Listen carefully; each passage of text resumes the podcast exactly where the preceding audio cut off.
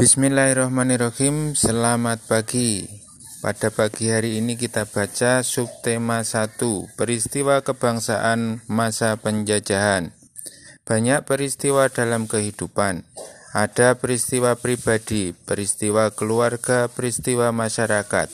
Bahkan ada juga peristiwa yang dialami oleh bangsa negara Peristiwa dapat dibedakan menjadi dua macam Pertama, peristiwa yang menyenangkan, peristiwa yang membuat kita senang. Kedua, peristiwa yang tidak menyenangkan, peristiwa yang membuat kita sedih.